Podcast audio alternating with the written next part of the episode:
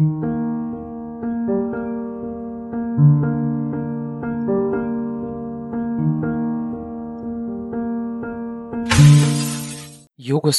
Jugospora, Jugos, Jugospora, Jugos, Jugospora, Jugospora, Jugos, Jugospora. U rubrici čitanje eseja pročitat ću tekst Leonarda Davisa pod nazivom Bogalji uzvraćaju udarac, dve tačke, uspon studija invalidnosti. U filmskom klasiku Nakaze 1932. postoji stravična scena osvete u kojoj družina mikrocefalaca, ljudi s malom glavom, patuljaka, kepeca, slepljenih blizanaca, opisana u reklamnom materijalu kompanije MGM sintagmama čudna deca senki i košmarni oblici u tami, ponižava i muči lepoticu jer je prevarila i otrovala svog patuljastog supruga. Pošto bude preobržena u nakazu, lepoticu u poslednjoj sceni filma vidimo izloženu kao grotesknu ženu kokošku. Ova scena naplate dugova, uzbudljiva fantazija normalnog reditelja Toda Browninga, pojavljuje se često u novijim napisima o invalidnosti, recimo u eseju John Hawkins, objavljenom u zborniku Nakaznost, kulturni spektakli neobičnog tela iz 1996. godine. Naravno, scena služi kao savršen primer zamišljene ogorčenosti i resentimana koju ljudi bez nesposobnosti projektuju na ljude sa invaliditetom. Međutim, s druge strane, Scena je odličan light motiv novog diskursa koji se razvija u savremenoj akademskoj eseistici i na katedrama u Sjedinjenim američkim državama. Ovakve prizore možemo pronaći u knjizi Simi Linton Polagati pravo na invalidnost, znanje i identitet iz 1998. u kojoj ona opisuje oslobođenje osoba sa invaliditetom od, otvore navod, institucija koje su nas sakrivale – podruma i tavana koji su štitili stid naših porodica. Izašli smo napolje i to bez onih brown vunenih ćebadi preko naših oslabljenih nogu, bez tamnih naočara preko naših bledih očiju, već u šorcevima i sandalama. Ovih dana ima nas svuda. Kotrljamo se i šepamo niz ulice, lupkamo štapovima, srčemo iz naših cevčica za disanje, balavimo, govorimo isprekidano, nosimo katetere koji skupljaju našu mokraću ili živimo sa oštećenim imunim sistemom. Iako u opisu Lintonove nema baš mnogo osvete, ona otkriva nešto od opasnosti koja se nadvila nad normalnost pri kraju 20. veka.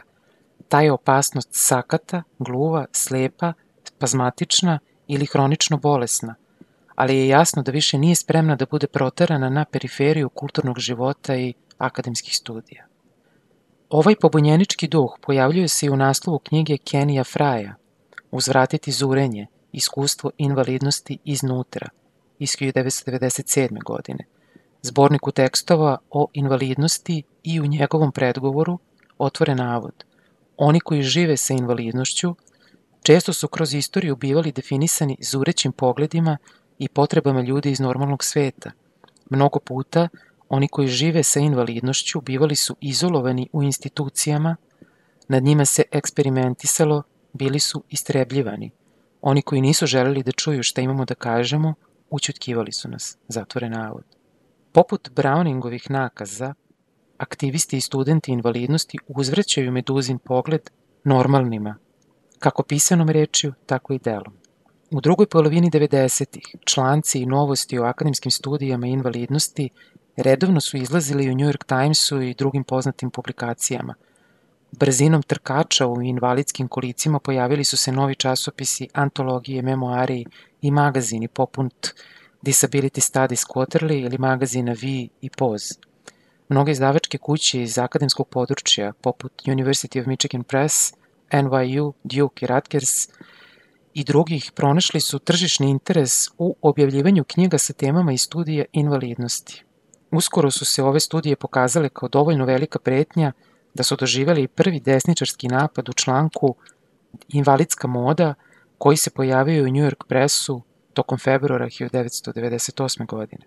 Uprkos povećanju broja publikacija na temu invalidnosti, većina naučnika i katedri ne smatra invalidnost područjem svog društvenog interesa ili svesti, kao što je primetio Michel Perube, autor knjige Život kakav znamo, otac porodica, izuzetno dete iz 1996.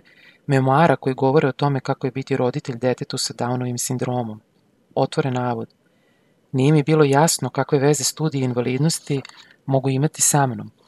Smatrao sam da imam liberalan, otvoren stav prema mentalnoj i fizičkoj invalidnosti, ali kada se došlo do pitanja treba li invalidnost da postane predmet akademskog izučavanja, da se osnuje katedra za invalidnost, prosto nisam video pointu još jednog dodatnog akademskog programa. Zatvore navod.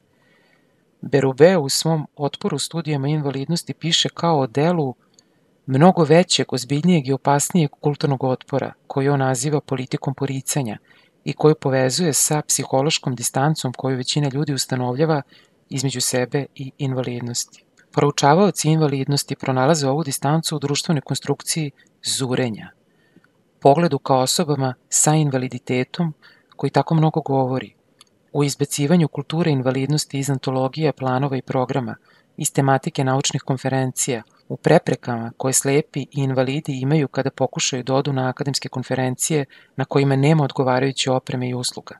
Ta distanca na koju Berube ukazuje naziva se sposobnizam ili normalizam, ableizam, i ekvivalent je bolje poznatim terminima poput seksizma i rasizma. Ali uprkos nekim sličnostima s drugim oblicima politike identiteta, studije invalidnosti nisu samo novi multikulturalni klinac u kraju. Naprotiv, diskusija koje su donele preispituje mnoge truizme pomenutog polja, a vredno svake pažnje jeste pokretanje teme neprobojne barijere koju svaki od multikulturalnih sobičaka stavlja između sebe i drugih. Biti afroamerikanac znači ne biti beo, biti gej znači ne biti straight, ali kategorija invalidnosti prodire svuda, jer svako može postati invalid, šta više, većina ljudi dobiće neku vrstu oštećenja u starosti. Prema navedenom izveštaju, između 40 i 80 procenata ljudi starijih od 65 godina je onesposobljen. Zaista akronim PRITELS, privremeno telesno sposoban, na engleskom TAV, temporarily able-bodied, posjeća nas na nesigur noge na koje se oslanja naša normalnost. Britanski pozorišni reditelj i dramski pisac Paddy Macefield, koji je postao invalid u 44. godini života, ističe ovu poentu, otvore navod.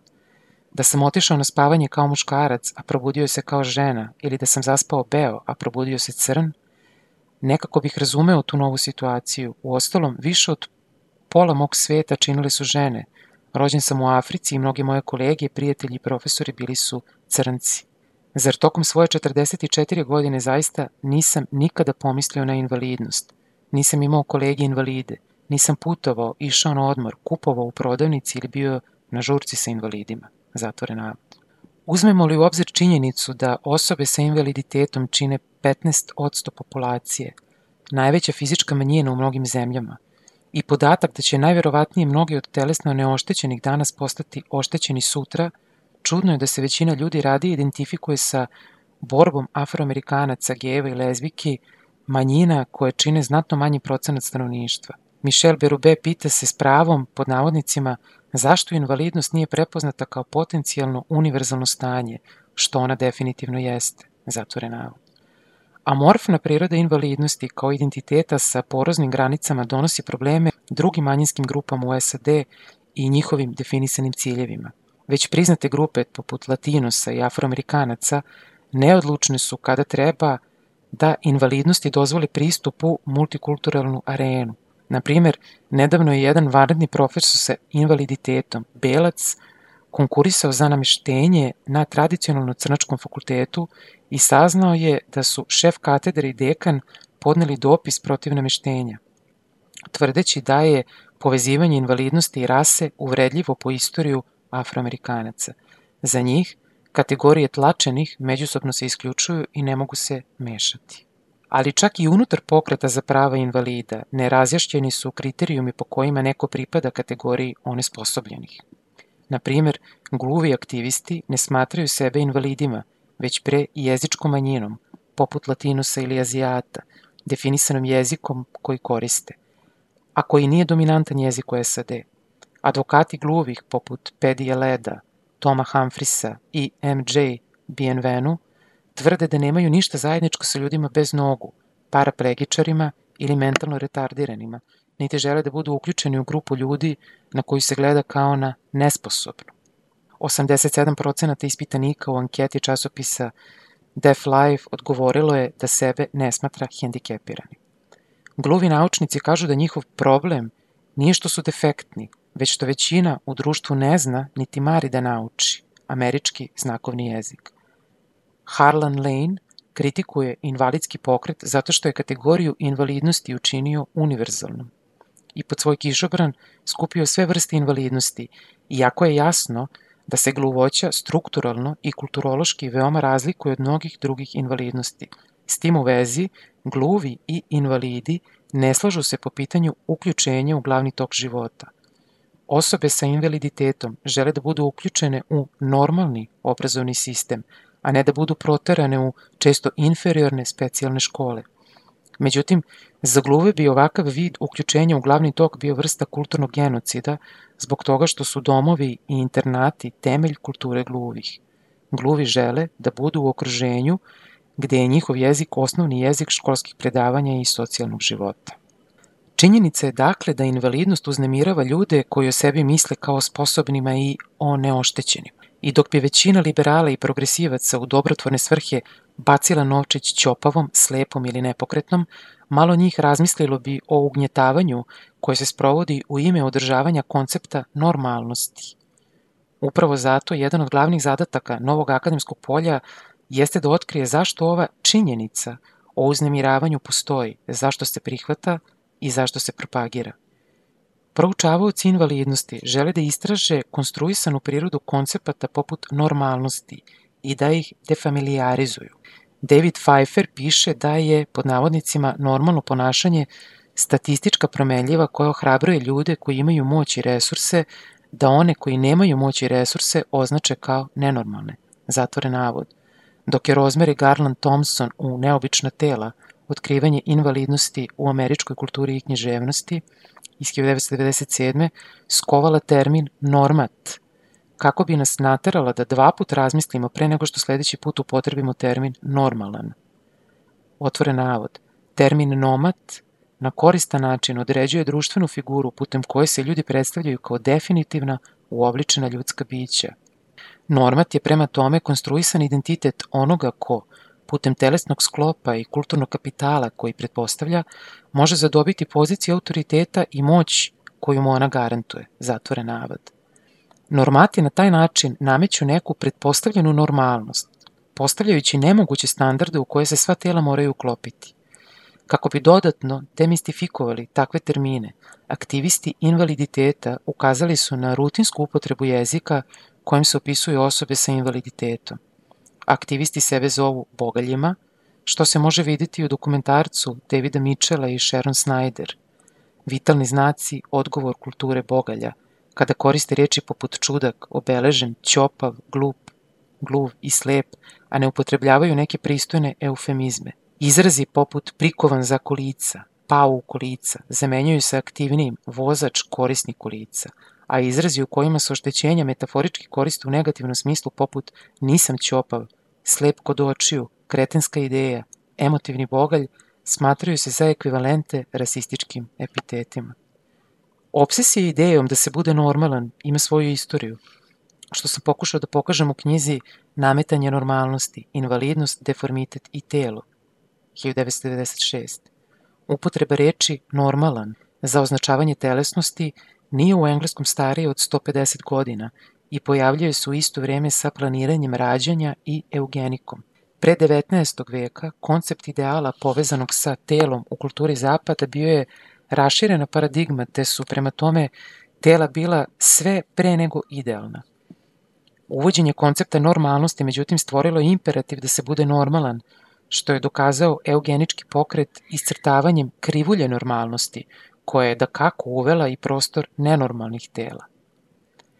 Ostalo je istorija, uključujući i nacističko prihvatanje eugenike kao vrhunske nauke, koji su kasnije utemeljili i razvili britanski i američki naučnici a što istražuje Martin Perik u Crna rod, roda, eugenika i smrt defektnih beba u Ameri, američkoj medicini i filmovima od 1915. godine do danas, iz 1995. godine. Užasavajući rezultat bilo je stvaranje procedura za istrebljenje gluvih invalida, koje su kasnije korišćene za jevreje, cigane i druge degenerisane rase. Ali nacisti su bili samo najvidljiviji i najosuđivaniji vrh ledenog brega, koji dalje veoma uspešno tera ljude u svakodnevno ludilo potrošnje, čitanja, gledanja, vežbanja, testova, dijeta i slično, sve zbog toga da bi se smatrali normalnima. Studije invalidnosti zahtevaju udaljavanje od ideologije normalnosti, smenu vlasti i hegemonije normata i kretanje ka viziji tela kao promenljivog, nesavršenog, nečistog i neurednog. Filozof Susan Wendell, autorka knjige Odbačeno telo, feministička filozofska razmišljanja o invalidnosti iz 96. poziva nas na utemeljenje invalidske perspektive. Otvore navod. Ne samo da fizički oštećeni ljudi imaju iskustva koje nisu dostupna neoštećenima, već su u boljoj poziciji da transcendiraju kulturne mitologije o telu, zato što oni ne mogu da urade stvari koje neoštećeni osjećaju da moraju raditi kako bi bili srećni, normalni i razumni. Kada bi se zaista slušao glas invalida, dogodila bi se eksplozija znanja o ljudskom telu i duši. Zatvore navod. Ovaj kult normalnog povezan je sa mitom da su osobe sa invaliditetom bolje tretirane u 20. veku nego u prošlosti. Trenutna debata o tome da li je život za ljude sa invaliditetom bio bolji ili gori u prošlosti ostaje otvorena. I to područje istraživanja tek je načeto. Da kako istorija invalidnosti suštinska je ne samo za razumevanje onoga što konstituiše invalidnost, već i za savremene pokušaje formulisanja teorije modernog tela – Na primer, mnogi istoričari invalidnosti, uključujući i Michaela Olivera, autora knjige Politike o nesposobljenosti, sociološki pristup iz 1990. vide značajnu promenu u koncepcijama normalnosti i tela, pošto je industrializacija učinila standardizovano telo neophodnim, kako za fabričku pokretnu traku, tako i za njene proizvode, osudivši nenormalno telo na socijalnu pomoć. Drugi proučavaoci, kao Marta Edwards u eseju Gluvi i nemi u antičkoj Grčkoj, predindustrijske zajednice smatra otvorenijim prema prihvatanju osoba sa invaliditetom. Revizionistička istorija antičkog sveta, koju piše Edwardsova, pokazuje da je invalidnost često bila cenjena u klasičnoj Grčkoj, prvenstveno zato što su osobe sa invaliditetom svoje oštećenja zaradile u ratu ili umetničkim zanatskim aktivnostima – zaradivši belege časti u ratničkoj kulturi koja je cijenila i estetiku. Drugi članak Edwardsove razara truizam da su Grci rutinski praktikovali infanticid, ubijajući decu sa telesnim oštećenjima. Napadajući ovu pretpostavku, Edwardsova ističe pristrasnost proučavalaca antike koji pretpostavljaju da bi, naravno, savršeno društvo poput grčkog želelo da ubije manje savršene bebe. Drugi istoričari kao James Trent u Izumijevanje maloumnih, istorija mentalne retardacije u Sjedinjenim američkim državama iz 1984. godine pokazuju da se mentalna retardacija smatrala pod navodnicima uobičajenim dijelom života sela i malih gradova. Zatvore navod, sa ludama i blentama koje su prihvatane sa ljubaznošću, čak romantizovane i o kojima su se brinuli članovi porodice i zajednice. Ova se inkluzija promenila tokom 19. veka kada su idiotluk i maloumnost izmišljeni i patologizovani, a uloga društva promenjena od edukativne ka tutorskoj. Na isti način otkriva nam istoričar Douglas Bayton u Zabrnjeni znaci Američka kultura i kampanja protiv znakovnog jezika iz 1996. godine, gluve su patologizovali i kontrolisali učitelji sluha, koji su zabranjivali znakovni jezik i terali gluve osobe da govore oralno. Činjenica da se invalidnost i normalnost mogu posmatrati kao društveni istorijski koncepti presudna je za studije invaliditeta zbog toga što alternativne paradigme, medicinski i rehabilitacioni model, pretpostavljaju da je invalidnost univerzalna konstanta. Ovi modeli operišu doslovno nad osobama sa invaliditetom više od 100 godina. Medicinski model tretira invalidnost kao bolest u potrazi za lekom, dok rehabilitacioni model vidi invalidnost kao stanje koje treba popraviti, prikriti, tretirati i nadgledati. Rezultati ova dva modela su, na primjer, ugradnja kohlearnih naprava gluvima, teranje teško pokretnih ljudi da koriste protetiku i hodaju normalno, invazivne i bolne operacije iz kozmetičkih razloga i tome slično. Sve do skora ovakve aktivnosti bile su jedini razlog da se piše i izveštava o pitanjima invalidnosti, a normalističke prognoze o medicinskim intervencijama veoma su porasle tokom 20. veka. Nasuprot medicinskom, konstrukcionistički model invalidnost posmatra kao društveni proces koji ne nosi nikakva inherentna značenja osim onih koje mu pripiše zajednica. Ovaj model osuđuje medicinski model zbog njegovog jednoumlja i isključivog oslanjanja na tehnologiju, institucionalizaciju i remedijaciju. U konstruktivnom modelu, koji je prvi obličio Irvin Kenneth Zola sa Univerziteta Brande, proučavaoci invalidnosti razlikuju oštećenje i invaliditet. Oštećenje podrazumeva gubitak ili umanjenje vida, sluha, pokretljivosti, mentalne sposobnosti i tako dalje. Ali oštećenje postaje invaliditet tek kad društveni ambijent stvori prepreke tom oštećenju, emotivne, senzorne, kognitivne i arhitektonski. Na primer, osoba koja koristi invalidska kolica postaje invalid samo ako ne postoje rampe. Naučnik koji je gluv postaje invalid samo ako nema prevodioca na konferenciji. Slep je invalid ako nedostaju uveličani tekstovi ili tekstovi na Brajevoj azbuci, kompjuter ili skener. Model osoba sa invaliditetom kao potlačene manjinske grupe, kao dodatak konstruktivističkom modelu, formulisali su Harlan Han u nekoliko eseja, Harlan Lane u Maska benevolentnosti, onesposobljavanje zajednice gluvih iz 1992. i Thomas Charlton u Ništa u nama bez nas, ugnjetavanje i obesnaživanje invalida iz 1998. Oni vide kapitalističku, imperialističku strukturu moći kao onu koja ima potrebu da stvara eksploatisanu i eksploataciji podložnu manjinu.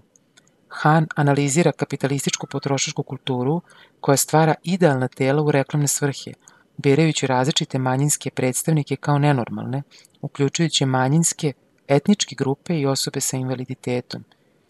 Pišući konkretno o gluvim osobama, Lane ukazuje na analogiju između načina na koje su kolonijalisti opisivali domorodce i načina na koji zvučni establishment opisuje gluve. Charlton opisuje pokret za prava invalida širom sveta i u SAD i vidi globalizaciju, imperializam i kolonijalizam kao začetnike raširenog ugnjetavanja osoba sa invaliditetom.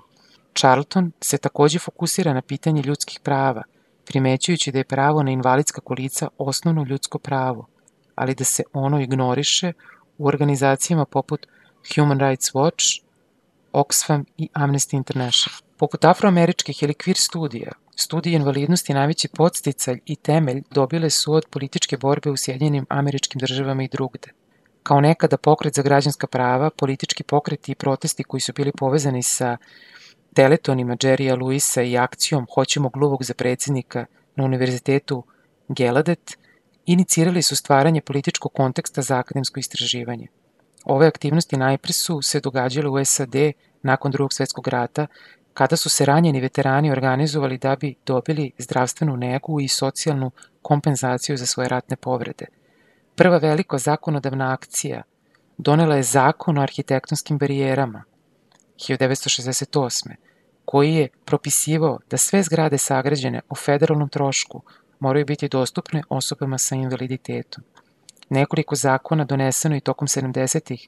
i 80. godina 20. veka, postavivši kamene temeljice građanskih prava osoba sa invaliditetom, što je kulminiralo zakonom o Amerikancima sa invaliditetom iz 1990. Nijedan od ovih zakona ne bi bio moguć bez aktivizma osoba sa invaliditetom, novinarski opisanih do detalja u knjizi Josefa Šapira Ne sažaljevajte nas, osobe sa invaliditetom i stvaranje novog pokreta za građanska prava. Iz 1993. Delovanje ovih aktivista problematizovalo je mnoge nasleđene kategorije i politička pitanja. Recimo, pravo žena na abortus ne dovodi se u pitanju većini liberalnih i levičarskih udruženja. Međutim, proučavaoci invalidnosti poput Adrian Ash i Ruth Hubbard, koji istražuju prenatalne skrininge dovode u pitanje abortus kao rešenje za problem rođenja bebe sa invaliditetom. Osobe sa invaliditetom svesne su da one same možda ne bi bile rođene da je takva tehnologija bila dostupna njihovim roditeljima. Iako ne problematizuju uopštene prerogative žena na abortus, ovi proučavaoci zabrinuti su da će žene, pošto je društvo normalističko i pošto se genetska savetovališta takođe zasnivaju na toj pristrasnosti, izabrati abortus prosto zato što ne žele dete koje je gluvo, slepo, bez nekog uda ili s nekom drugom anomalijom. Isto tako, gluvi roditelji mogli bi abortirati bebu koja ima očuvano čulo sluha prosto zato što žele dete koje će takođe biti gluvo. Još jedna vruća tema tiče se zakona o pravu na smrt, koji zagovara većina liberala i progresivaca. Međutim, za mnoge proučavaoci i aktiviste invalidnosti, ljudi poput Jacka Kevorkijana samo su dželati u službi normalističkog medicinskog establishmenta. Tokom saslušavanja u Vrhovnom sudu, mediji su bili preplavljeni slikama korisnika invalidskih kolica u majicama sa natpisom Još nismo mrtvi. Aktivisti su istakli da su pacijenti koji se odluče za samoubistvo pod nadzorom lekara i farmaceuta u većini slučajeva depresivni ljudi sa višestrukim invaliditetom, naročito sa multipla sklerozom. Umesto da im se obezbede psihološka savjetovanja, podrška osoba sa istim oboljenjem, društvene službe i državne subvencije, mnogo je jednostavnije ubiti ih. Aktiviste i istraživače brine tolika moć u rukama doktora i bolnica, naročito zbog toga što su osobe sa invaliditetom tokom tretmana u medicinsko u medicinsko rehabilitacionom modelu doživele mnoga stravična iskustva. Oni predviđaju budućnost upravljanja negom u kojoj će hronično bolesne ljude savesni doktori zabrinuti za budžet ohrabrivati da izaberu smrt, a sve zbog predrasude o kvalitetu života. Nakon svega što je rečeno, postavlja se pitanje zašto bi ikog bilo briga za studije invalidnosti. Kakve veze pogled na svet i subinu čoveka u invalidskim kolicima ili žene sa štapom ima sa velikim dilemama našeg vremena? Šta mari što je Aleksandar Pope bio grbav ili što je Chuck Close bio paraplegičar? Kakvog smisla ima zapažanje da se sva tri filma koje su 1997. godine nominovane za Oscara bave nekom vrstom invalidnosti. Za proučavaoci invalidnosti sve je to veoma bitno. Naprimer, za književne istoričare invalidnost donosi nove naučare kroz koje se percepcija prelama u drugačijem svetlu. Istini za volju treba reći da se u ovom trenutku te naučare smatraju nekom čudnom napravom koja daje izobličenu sliku i groteskne subjekte koji su pre oni nego mi, Pošto sam bio uključen u studije invalidnosti, mogu da posvedočim da sam zajedno sa svojim studentima video kako se nešto što smo smatrali prilično pravolinijskom i ograničenom temom širi toliko da na kraju obuhvata sve oblasti književnih studija. Mogu vam dati samo kratak primer takve ekspanzije. Prvo, većina književnosti deo je nacionalnog projekta u kojem se reprezentativni tipovi junaka uključuju u narativne situacije. Ovakvi junaci, poput Romizona Crusoa, kapetana Ahaba i Lili Bart otelovljeni su u određene telesne oblike koji su drugačiji od herojskih tela iz epova ili idealizovanih tela u poeziji. Ova tela su potom viđena kroz naočare normalnosti kao sposobna ili nesposobna. Protagonisti su skoro uvek definisani normalnim telima, što je uobičajena zadata postavka fizikalnosti u romanima. Ako junaci imaju neka oštećenja, onda je roman isključivo o tim njihovim odlikama. Ipak lik invalida nikada nije sam po sebi važan, već se on postavlja u neki narativ za junaka bez invalidnosti, da bi tom normalnom junaku pomogao u razvijenju simpatije i saosećanja ili da bi bio kontrateža nekom problemu u njegovom životu. Čak i normalno telo označava moralne odlike na isti način na koji se one pripisuju likovima invalida – lepi, plemeniti, nežni, buržoaski likovi trebalo bi da budu puni moralnih vrlina, dok su obogaljeni ili deformisani ljudi ili predmet sažaljenja ili negativci koje pokreću ogorčenost i zavist. Studije invaliditeta ispituju formiranje tela, značenje tela, nacionalni interes pri proizvodnji obrazaca za duše i tela. Ono što dodatno usložnjava eksplikaciju tela u pripovednim formama jeste pojava da se oni koji ne pripadaju datoj naciji, žene, manjinske grupe, vide kao osobe koje imaju iste odlike kao invalidi, a da su invalidi feminizirani ili jasno označeni kao pripadnici druge rase. Drugo, sam oralni jezik, koji je privilegovan u književnosti, problematizuje se u recentnim teorijskim radovima o znakovnom jeziku i gluvoći. Oslanjajući se na delo filozofa poput Žaka Deride, koji je već problematizovao oslanjanje društva zapada na izgovorenu reč, proučavaoci gluvoće i invalidnosti mogu ukazati na inherentne predrasude zadatih načina reprezentacije. Neki proučavaoci, na primer, razvili su analizu modernističke poezije poredeći je sa poezijom na američkom znakovnom jeziku. Drugi su preispitivali linearnost proze Zapada i koristili invalidnost kao teorijski okvir za problematizovanje takvog falogocentrizma. Treći su potezali Žaka Lakana kako bi istražili pogrešne percepcije koje konstruišu normalno, koherentno, jedinstveno telo istovremeno se pozivajući na isti takav jezik, tesno povezan sa takvim pogledom na telo i svet. Četvrti su poručavali na koji način se takva komunikacija i retorika mogu dovesti u pitanje premisama znakovnog jezika i gluvoće. Studije književnosti, književne istorije i teorije tek su počele da potpadaju pod domen studije invalidnosti. Grotesknost, prodorni pogled, dijalog, teorije, vizualnosti, prava i tako dalje, lagano bivaju ispresecani temama invalidnosti. Uzbudljivo je videti kako se novo polje u studijama književnosti pojavljaju u trenutku kada su mnogi osetili da nema ničeg novog pod hermeneutičkim suncem. Opstanak studija književnosti neće zavisiti od najsposobnijih, već od ćopavih, nepokretnih i slepih. Možda će se na kraju ispostaviti da su upravo oni najsposobniji. Sa engleskog preveo Ivan Velisavljević. thank you thank you.